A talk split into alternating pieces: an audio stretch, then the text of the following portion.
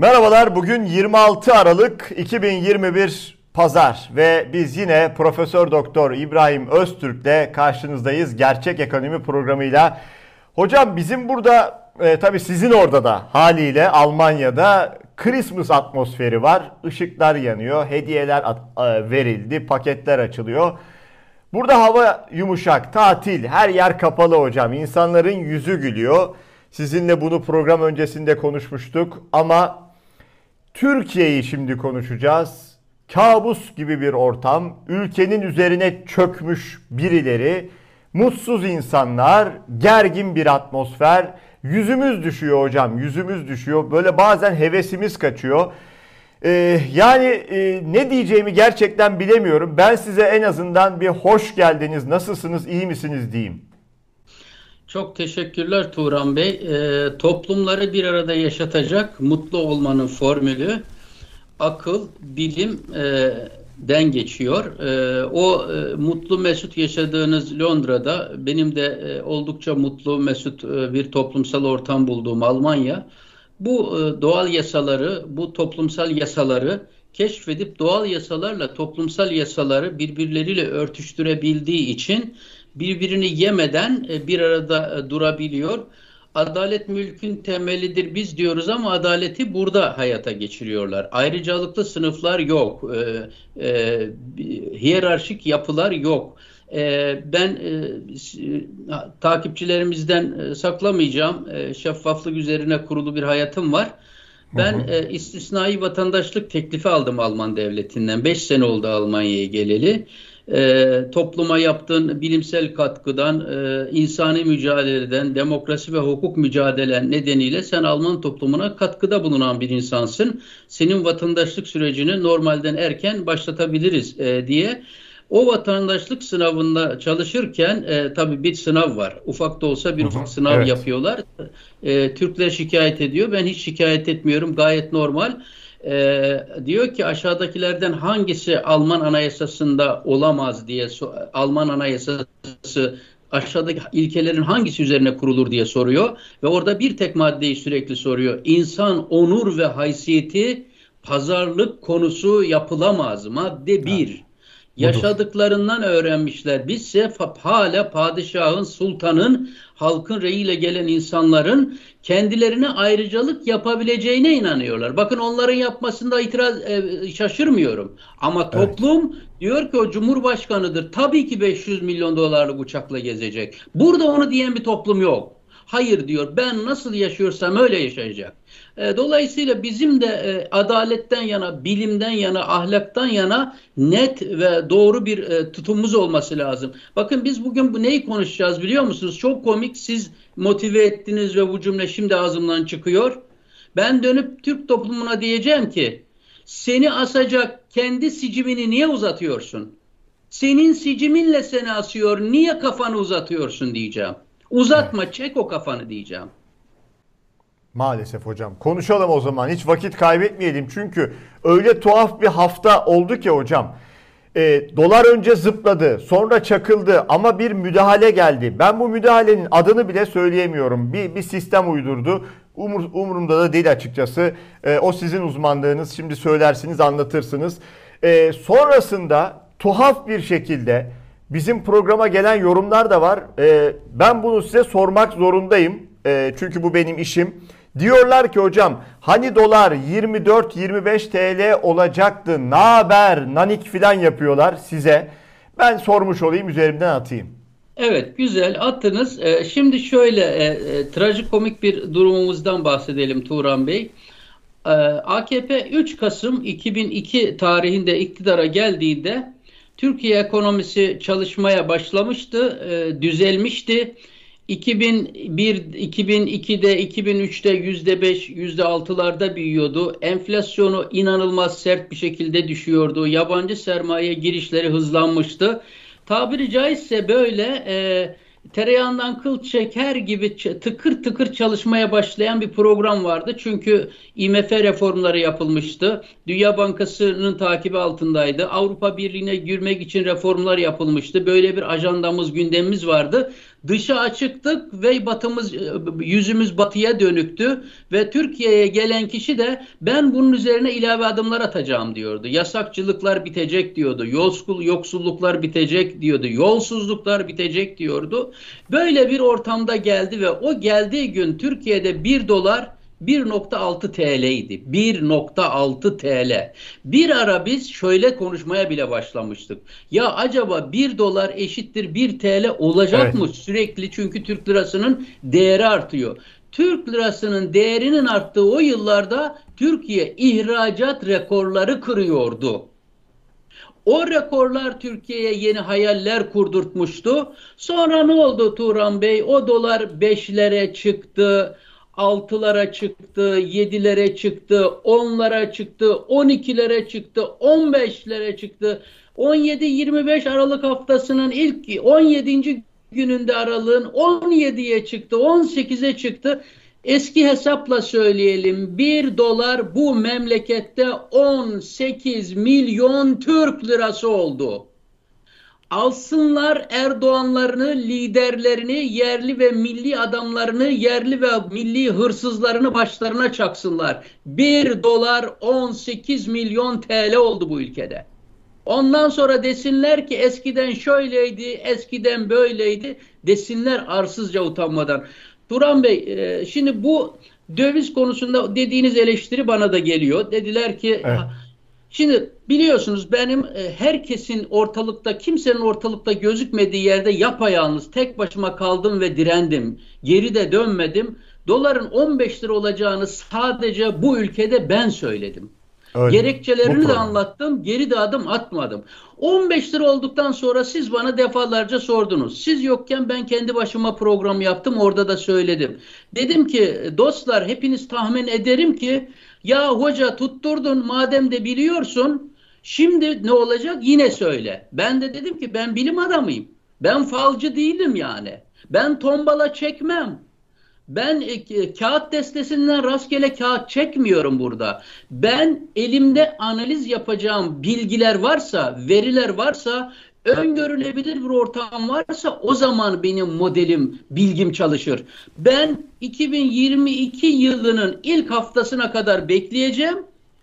Eğer o haftaya kadar yurt dışında ve yurt içinde elimde bilgiler ve veriler olursa o zaman yeni bir tahmin yapabilirim. Yoksa da yapmam. Dolayısıyla ben e, bekliyorum. E şimdi ama böyle bir ortamda oluşan güvensizlik ortamında, belirsizlik ortamında, üst üste yanlışların yapıldığı bir ortamda bir ülkenin cumhurbaşkanı döviz kendine gelmesin diye, gelecekse de kendine gelmesin diye her gün kalkıp biz o faizi düşüreceğiz. Geride dönmeyeceğiz dediği bir ortamda. Enflasyonun yüzde altmışı aştığı bir ortamda o döviz biz ne feryat ediyorduk? Ya yapmayın böyle. Bu döviz böyle yaparsanız aralığın başı aralığın 17'sinde 17'yi görür. 17 Aralık bir haftası biterken 24 Aralık'ta da 24'ü görür.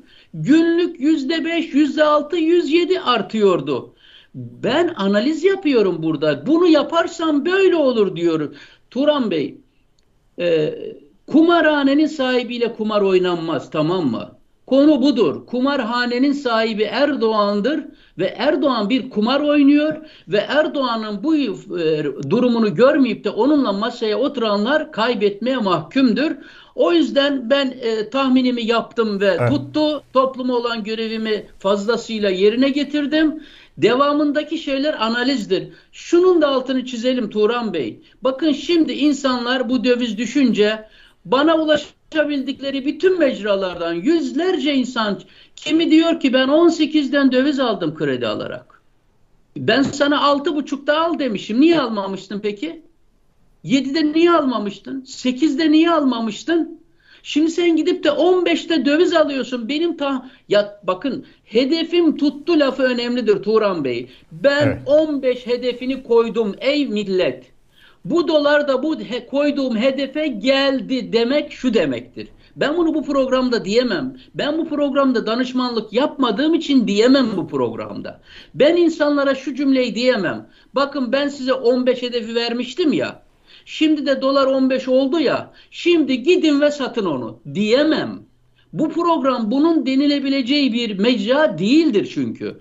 Ama bunu insanların anlaması lazım. Bir hisse senedinde hedef koydum ve hedef gerçekleşti diyorsan bunun tercümesi sat bunu demektir.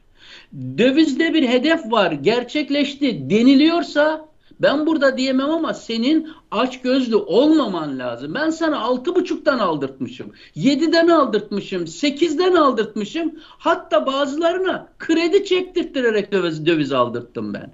Ve dedim ki sana gideceğin hedef olarak 15'i koyuyorum kardeşim. E bu gelmiş 16 olmuş. 17 olmuş. 18 olmuş. Sen aç gözlülüğünden satmamışsın. Bana ne? Bana niye bunun faturasını çıkartmaya çalışıyorsun? Dolayısıyla bunları da iyi yerli yerine oturtmak lazım doğrusunu isterseniz. Hocam göz gözü görmüyor. Ortalık toz duman tam manasıyla. Şimdi gerçekten bu konularda başı dönen halk ne yapacak hocam? Çaresiz bir şekilde etrafına bakınıyor. Tutunacak bir dal arıyor adeta. Amacımızın bu programda ne olduğunu da aslında ortaya koyan bir soru sordunuz. O amacımız da e, bu programda e, detaylarda kaybolmadan büyük resmi e, ortaya koymak, büyük fotoğrafa insanımızın odaklanmasını mümkün kılmaktır ve Erdoğan'ın taktiklerinin altında ezilip kalmamaktır. Detaylarda kaybolmamaktır. Biz bunu sağlamaya çalışıyoruz. Ee, şunu söylememiz lazım. Ee, bu büyük resimde e, birkaç tane istatistik verelim ve bunu insanlar anlasınlar artık. Yani bu eğer başlıca parametreler yerinde değilse o zaman e, daha detaylarda kaybolup boşu boşuna hayal kurmamaları lazım. O da şudur. Az önce söyledik. Erdoğan iktidara geldiğinde 1.6 e, TL olan bir dolardan şu an itibariyle 20 senedir yönettiği ülkede 18 milyon TL'ye çıkarttığı bir e, düşürdüğü bir Türk lirası var. Şimdi önümüzde böyle acı bir gerçek var. Yani e, bunun sorumlularından bu saatten sonra hale çözüm bekleyebilir misin? Yani o kadar vahim istatistiklerimiz, veriler var ki bunlardan birine vicdan elini vicdanına koyup da odaklanırsan konuyu çözüyorsun zaten. Yani ne olmuş ki 20 senede çölde yeni bir ülke kurarsınız Turan Bey. Sıfırdan Öyle. olmayan bir ülke Öyle. kurarsınız. Ee, e, İkinci Dünya Savaşı'ndan sonra adeta Japonya böyleydi. Taş üstünde taş kalmamıştı. İki tane atom bombası yemişti. Neslini kaybetmişti. 1960'larda Japon malı tapon malı denirdi. E, kalitesizlik göstergesiydi. 1970'lerde Amerika ile otomobil yarışına girdiler.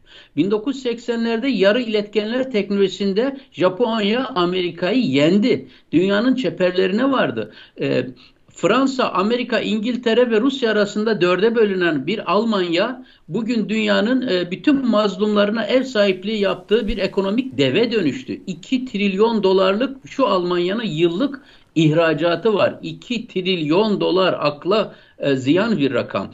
Dolayısıyla siz şimdi böyle bir 20 seneyi savaşlar yapmadan, işgallere maruz kalmadan, ne bileyim korkunç bir kuraklığa maruz kalmadan, iç savaşla bilmem neye maruz kalmadan şöyle bir ülkeyi 20 senenin sonunda getirdiğiniz yer 1 e, doların 18 milyon TL olduğu bir yer. E, bugün de diyelim ki 10 e, TL'ye düşmüş. 10 milyon TL düşük müdür?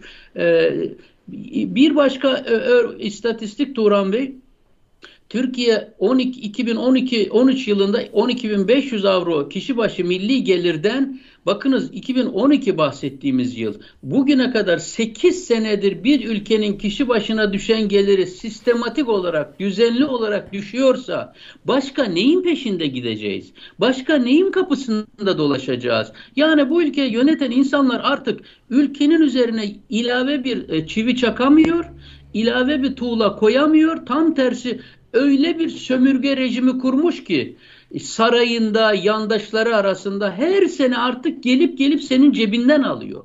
Geçmezsen senin vergilerle senden alıyor. Ee, gece yarısı operasyonlarla alıyor ve en son alma şeklini söyleyeyim enflasyonla alıyor.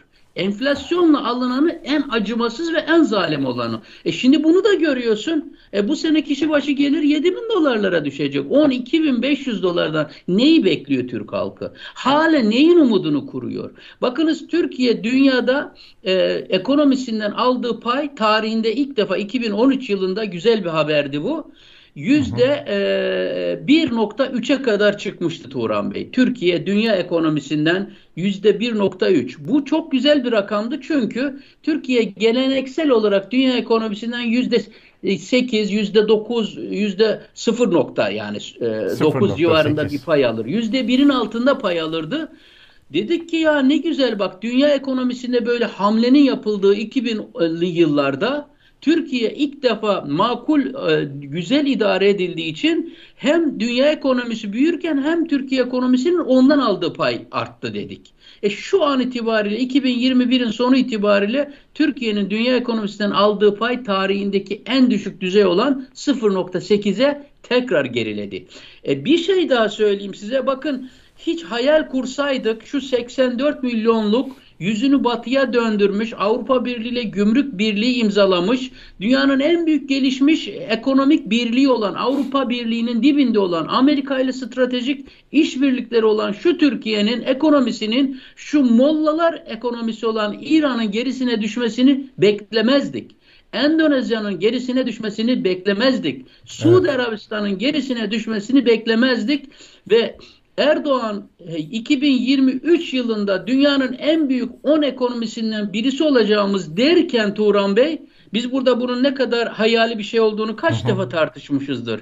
Bakın bu sene Türkiye dünyanın en büyük ilk 20 ekonomisinden tarihinde ilk defa çıktı. İlk defa 20 sene yönettiği ülkeyi ilk 18'de devraldı.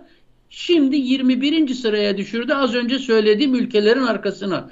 Yani bu büyük haberler bakın ekonomide kaç tane haber söyledik. Bugün Türkiye'nin enflasyonu yüzde altmış ve göreceksiniz bak şimdi e, aralığın, aralık bitiyor. Yeni yılın başında 2021 yılının enflasyon verileri elimizde olacak. ENA grubun verileri olacak. TÜİK grubunun verilerini dikkate almıyoruz artık.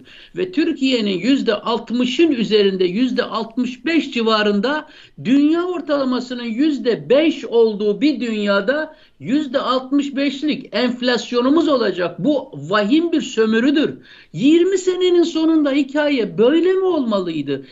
Hiç kim şu an döviz konuşmaktan esas sorunun ne olduğunu konuşamaz hale düştük Turan Bey. Esas sor, bakın bir şey daha söyleyeyim bu da politik alandan, siyasi alandan bir şey olsun. Bakınız şu an Türkiye o Güneydoğu'daki faili meçhul cinayetlerini yapanların, o topluca insanları katledenlerin, Türkiye'yi bir darbe iklimine sokanların, adam kaçırmaların sahibi olan o meşhur derin devletin Ergenekon katillerini şu an o kucağına düştüğü için tek tek onların dosyalarını kapatmakla meşgul şu an Erdoğan. 1990'larda Erdoğan kendini paralamıştı. Bu ülke böyle mi yönetilmelidir diye. Şimdi 20 senenin sonunda siyaseten 1990'ların başına ekonomide de 2000'li yılların başına bıraktı ve şu an hala insanlar buradan bir şey bize çıkar mı? Bir şeyi 2013 yılından 2021 yılına kadar Türkiye ekonomisinden aldığı pay Türkiye'nin yüzde 40 geriledi. Yüzde 40.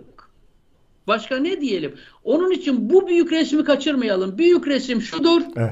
Mahallenin halktan yana olan, ahlaktan yana olan, ezilmiş olan, ben halkın çocuğuyum diyen Erdoğan'ı yüzük hesabı yapan, simit hesabı yapan, çay hesabı yapan o Erdoğan gitmiş, diz kırıp halkın sofralarına oturan o Erdoğan gitmiş, Ergenekon katilleriyle, derin devlet katilleriyle halkın üzerine çökmüş, enflasyonuyla, vergisiyle, zamlarıyla, yolsuzluğuyla, baskılarıyla, zulümleriyle, dünyayla papaz olarak, dünyadan koparak bir halkı inim inim illeten bir zalim, hırsız, gaddar adama dönmüş. Konu budur. Bunu karar verip Erdoğan'dan kurtulmak lazım. Başka detaylarla uğraşırsanız Erdoğan şişeden yüzlerce cin çıkarır size. Az önce dediğim gibi kumarhanenin sahibiyle kumar oynanmaz. Hocam o şişeden çıkan cine bakalım isterseniz. Yani sistem ne? Bunu birazcık anlamaya çalışalım. DEM yani dövize endeksli mevduat sistemi. Bununla ne öneriliyor? Turan Bey buna geçeyim ama unuttum diyecektim. Şimdi aklıma geldi az önce. Heh. Sonra sizin sorunuza geleceğim. Tamam. Şimdi bakın e, bilge insanlar, yüce insanlar, e, gönül gözü açık insanlar, ne bileyim çok akıllı insanlar e, tehlike gelmeden tehlikenin geleceğini önceden haber veren insanlardır. Bir de vardır ki bunu göremeyip ama tehlikeyi önüne gelince anlayan, anlayan var. Bizim gibi sıradan insanlar tehlike önüne gelince bunu anlaması gerekir. Bu birazcık aptal oluyor ama e, yapacak bir şey yok. Halk ortalaması dünyanın her yerinde böyledir biraz. Tehlike gelince vay anasına der ve şaşırır. Ama bir de tehlikenin içinden geçmesine rağmen tehlikeyi yaşamakta olduğu bir anda bile hala bunu inkar edenlere artık aptallıktan daha öte başka bir şeyler dememiz lazım. Bu zulmü hak ediyorsun demek lazım. Kendi ipini verip kendi sicimini uzatıp kendi kellesini uzatan insanlarla karşı karşıyayız demektir. Bakın e, bir Estonya feribotu sendromu diye bir şeyden bahsediliyor Turan Bey. 1994 e, yılında Almanya'da yapılan Estonya feribotu adı verilen feribot e, içindeki 850 yolcusuyla 1994'lerde e, kıyıya çok uzak olmayan bir mesafede battı.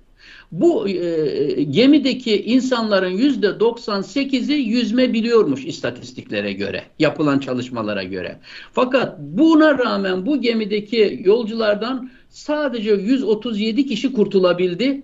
850 yolcusu da öldü.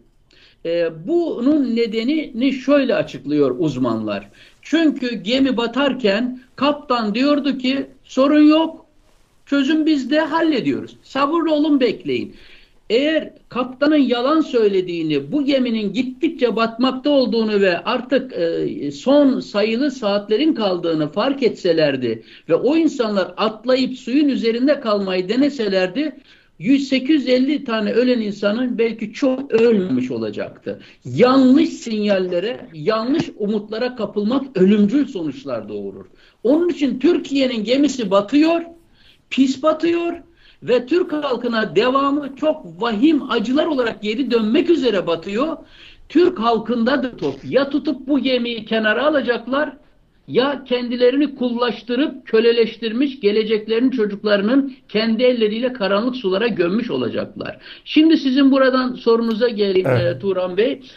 Erdoğan bizim hala o kontrol bizde endişe etmeyin dediği şey şu hani e, dem dediğimiz dövize endeksli evet. mevduat diye çıkardığı ta, şapkadan çıkardığı son e, tavşanı anlatalım. E, Erdoğan bakın bizim üç tane şeyimizi kullanıyor Erdoğan. Aç gözlülüğümüzü kullanıyor, korkularımızı kullanıyor ve cahilliğimizi kullanıyor. Stratejilerini bunun üzerine kurmuş bir şeyi inşa edemediği için gündemi doldurmak için bir şeyi yıkıyor.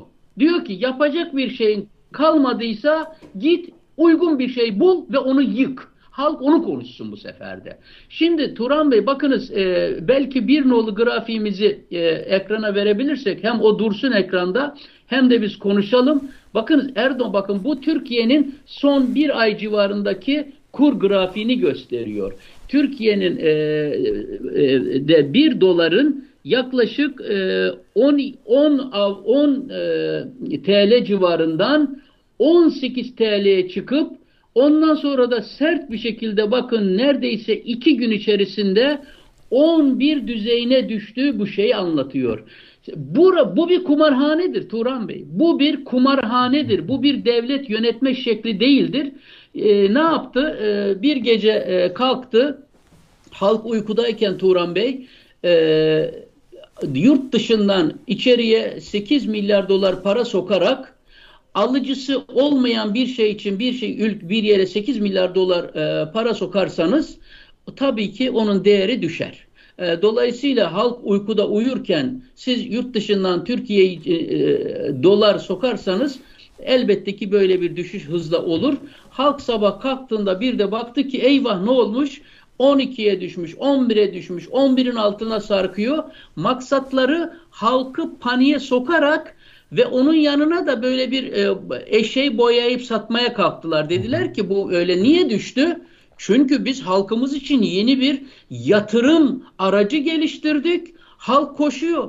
Kim koşuyor? Halk uyuyordu. Sen gece yaptın onu. Gece senin yatırım aracından da kimsenin haberi yoktu. Kimsenin herhangi bir unsurdan da haberi yoktu. İnsanlar kalktığında bunu karşılarında buldular. Bunun altını çizelim. Herhangi bir yatırım ürünü vardı diye o döviz düşmedi. Halk uykudayken Erdoğan Türk milletini kandırdığı için Nurettin Nebati açık açık söyledi. Dedi ki şimdi onların canı yanıyor dedi. Döv Erdoğan döviz düşecek deyince halk döviz alır. Erdoğan biz dövizin çıkışıyla ilgilenmiyoruz. Hiç umurumuzda değil derse bir halk döviz alır.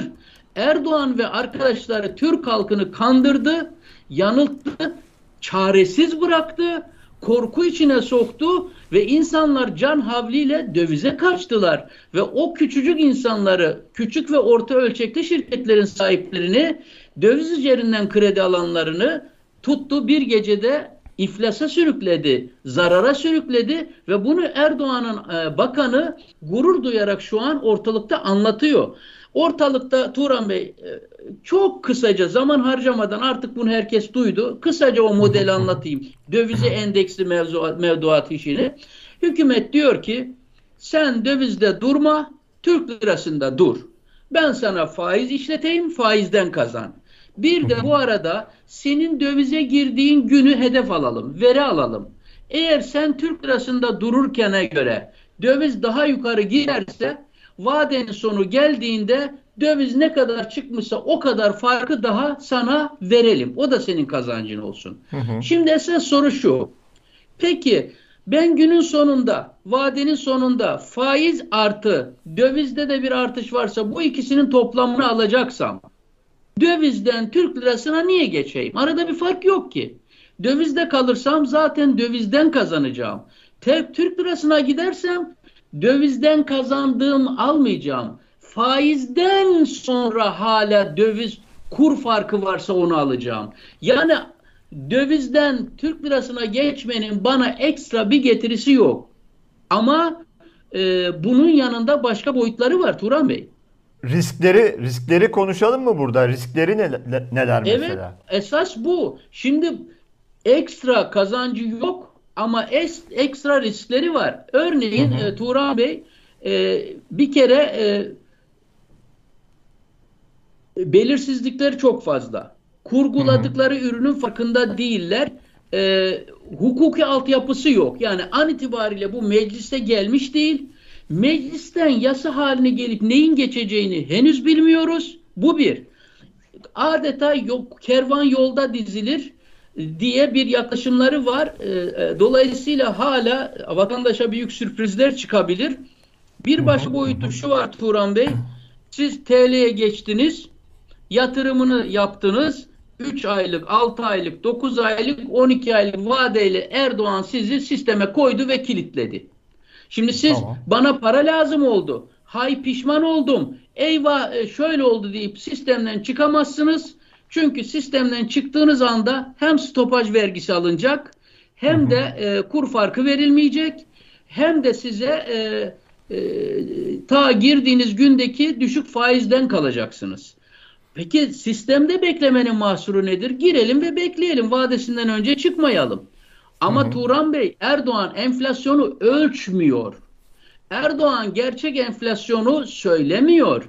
Enflasyonun şöyle diyelim ya bakınız Aralık'ta, Ocak'ta ve Şubat'ta Türkiye'de 3 aylık 3 aylık yüzde 16 ile yüzde 20 arasında enflasyon bekleniyor. Bu ne anlama gelecek biliyor musunuz?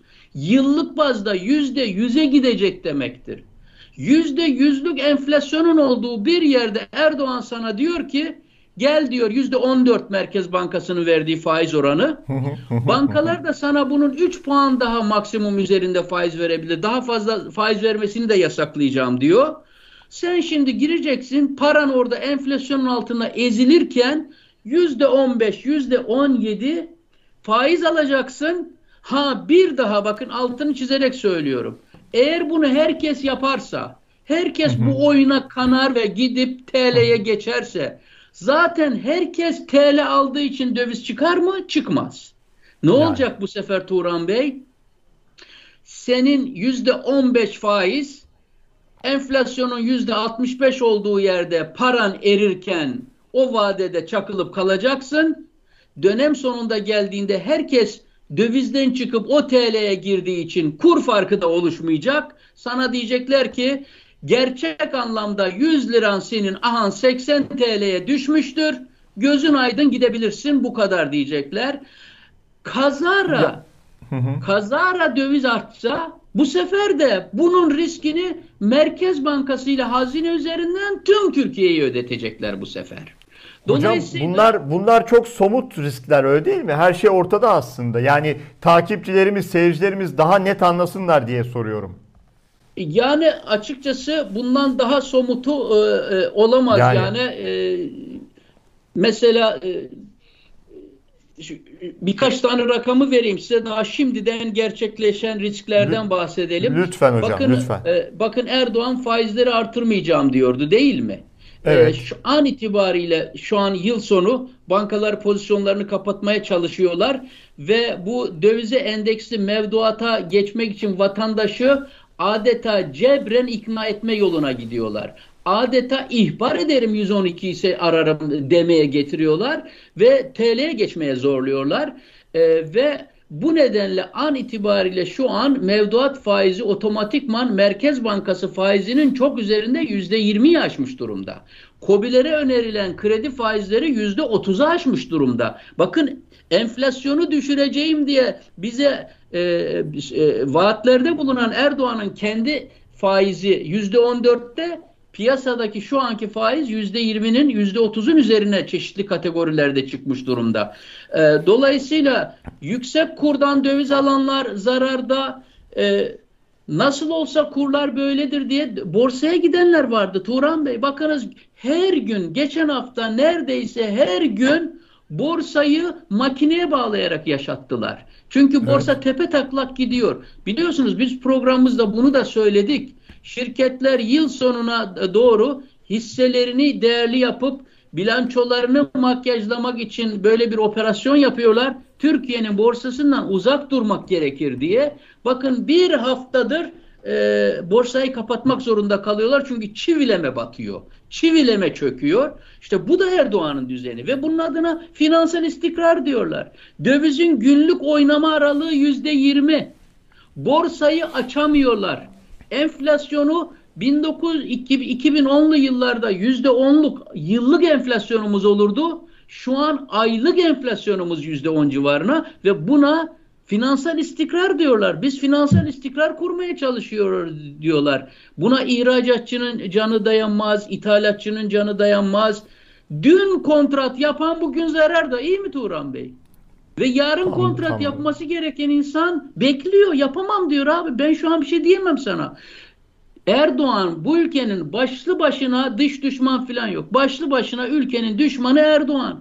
Bir numaralı belirsizliğin kendisi Erdoğan. Oyunun kuralı yok Turan Bey. Bakın günün sonunda geldiğimiz yer bura. Yani lan Çin modeli diyorsun. Lan tamam Çin modeli de Çin'in bir kuralı var. İnsanlar biliyor yarın sabah yapacakları işin adını, kuralını, kaidesini biliyorlar.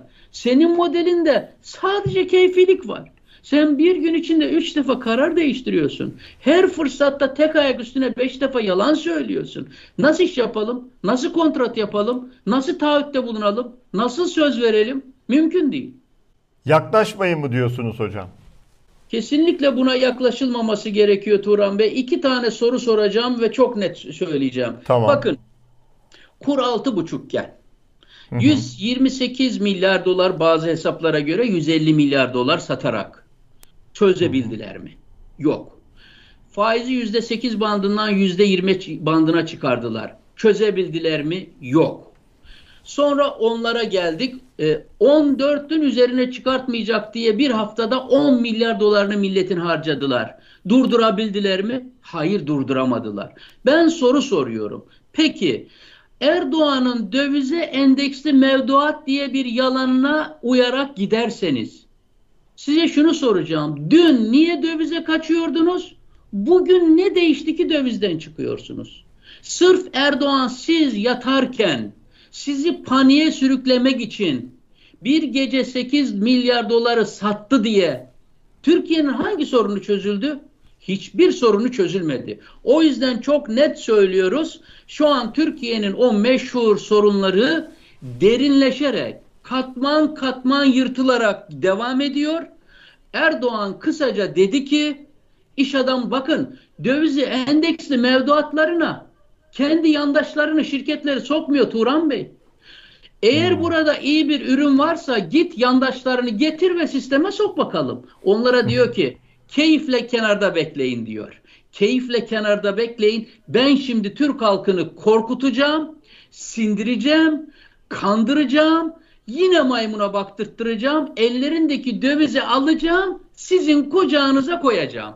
İstediğiniz gibi kullanacaksınız. Onlara da enflasyonun yüzde yüze doğru gittiği yerde yüzde on beşlik, yüzde on altılık, yüzde on yedilik faizle mevduat vereceğim.